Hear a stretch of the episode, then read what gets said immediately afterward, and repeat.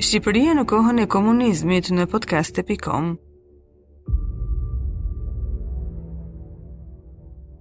Shpëtoi 200 shqiptarë nga kampet naziste, vuajti kamp-burgjet e komunizmit.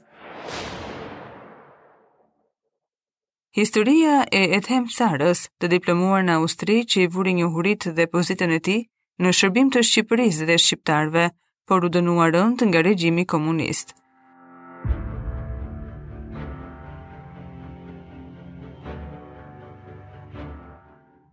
Ethem Cara ndërroi jetë 50 vjet më parë, më korrik të vitit 73, Ndryshe nga ç'mund të pritej për një ish të dënuar politik nga regjimi që ende vazhdonte të sundonte në Shqipëri, përcjellja e tij shënoi një ngjarje të pazakontë në qytetin e Kavajës për shkak të një pjesëmarrjeje masive. Ata ishin të vetëdijshëm për rrezikun që u kanosej dhe në të vërtetë, reagimi i pushtetit nuk mungoi të nesërmen.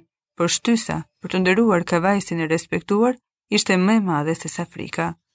Kjo nuk ishte pa shpjegim, rreth 200 e ca vetë në Kavajë ia detyronin jetën në njëfarë mënyre Etem Carës, prej një ngjarje të ndodhur 30 vite më parë.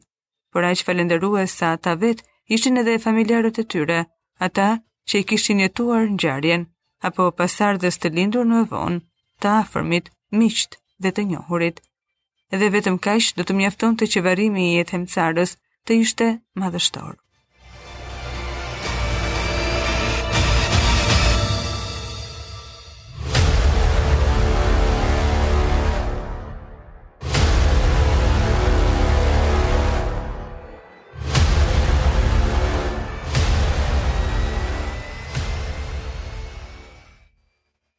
Në tetor të vitit 1943, në zonën e Durrësit dhe Kavajës, pushtuesit nazistë organizuan një operacion të befasishëm duke arrestuar qindra persona të cilët natën e 20 nëntorit i nisën në burgun e Tiranës. Destinacioni i tyre ishin kampet çfarosëse të nazizmit. Ankthi pushtoi qytetin dhe familjarët e të arrestuarve, të terrorizuar nga frika për të afërmit e tyre, nisën të kërkonin ndihmë për ndërhyrje te kushdo që kishte dorë të bënte diçka. Disa figura të njohura të Kavajës u vunë në lëvizje, por dëshmitë thonë se figura qendrore dhe njeriu që ndihmoi për lirimin e më shumë të arrestuarve ishte Etem Cara.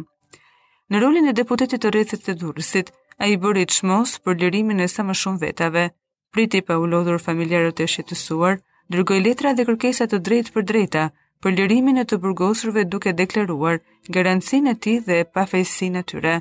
Dokumentet arkivore dëshmojnë për 70 të liruar nga burgu, bazuar në garancitë me shkrim të lëshuara nga Etem Cara dhe dhjetëra të tjerë janë liruar nga ndërhyrjet e tij verbale. Në fund të kësaj fushate sfilitëse, Etem Cara arriti të sigurojë lirimin e mbi 200 të arrestuarve. Duke pasur parasysh domethëniet e këtij fakti, përkundrejt akuzave për bashkëpunim me okupatorin që i bëheshin në gjyqin special, avokati mbrojtës e pyet Etem Carën rreth ndodhisë në seancën e 17 marsit. Kur Irfan Ohri dhe gjermanët kanë pas burgos qindra vetë në Kavajë dhe Durrës, mbi interesimin e familjarve të tyre, unë kam ndërhyrë si deputet i qytetit të Durrësit duke u bamë vetë garant për ta dhe janë lirue 200 e ca vetë. Shumica e këtyne kanë qenë nga persona të Lëvizjes Nacional Çlirimtare. Edhe për dërgimin e të burgosurve në Prishtinë kena bërë demarshet e duhuna dhe bile kryeministri ka shkrue me insistim për kthimin e tyne këtu, përgjigjet Etem Cara. Avokati Karapici, siç shkruhet në procesverbal, paraqiti pas kësaj një listë me emrat e personave nga Kavaja, që i kishte liruar Etem Cara me garancinë e tij. Ai u arrestua më një nëntor të vitit 1944 në shtëpinë e tij në Tiranë. Ai kishte qenë ministër i financave për 6 javë në muajt shtator-tetor, në kohën e pushtimit gjerman në qeverinë e kryesuar nga Ibrahim Biçakçiu. E kishte pranuar postin si një detyrë ndaj vendit pas këmbënguljes së kryeministrit për ta patur ekonomistin e diplomuar në Austri në krye të financave në një çast shumë delikat. Gjatë atyre javëve, Etem Cara u konfliktua me autoritetet gjermane në mbrojtjen e interesave kombëtare.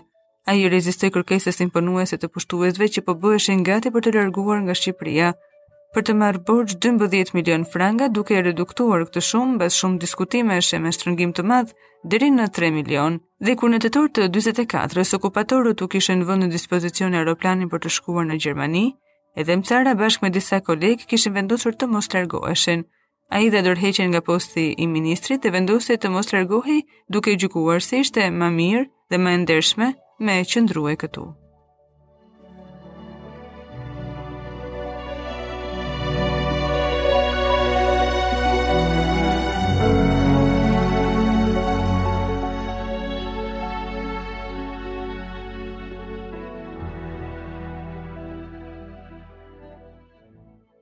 Me siguri ai ka gjykuar se sa kohë nuk i kishte bërë asnjë dëm vendit apo njerëzve, nuk kishte përse të trembej, por nuk e kishte parashikuar se komunistët do të ngrinin gjykatën speciale për të dënuar kriminelët e luftës dhe armiqtë e popullit.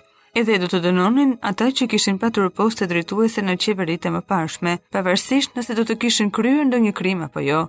Madje edhe nëse si në rastin e Etem Carës kishin qenë jo armiq, por miq të mëdhenj të popullit.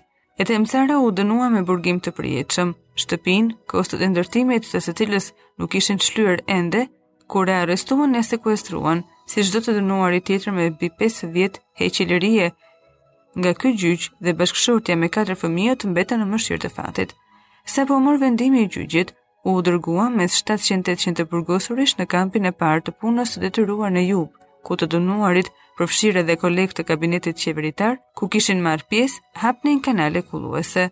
Puna e rëndë e kampeve vazhdoi për vite me radhë, duke i dhënë atij mes vuajtjeve të patregueshme, përfitimin e vetëm të uljes së një pjese të dënimit. Si përfundim, u lirua në vitin 62 në prag të moshës 57 vjeçare, pas rreth 17 vitesh burg.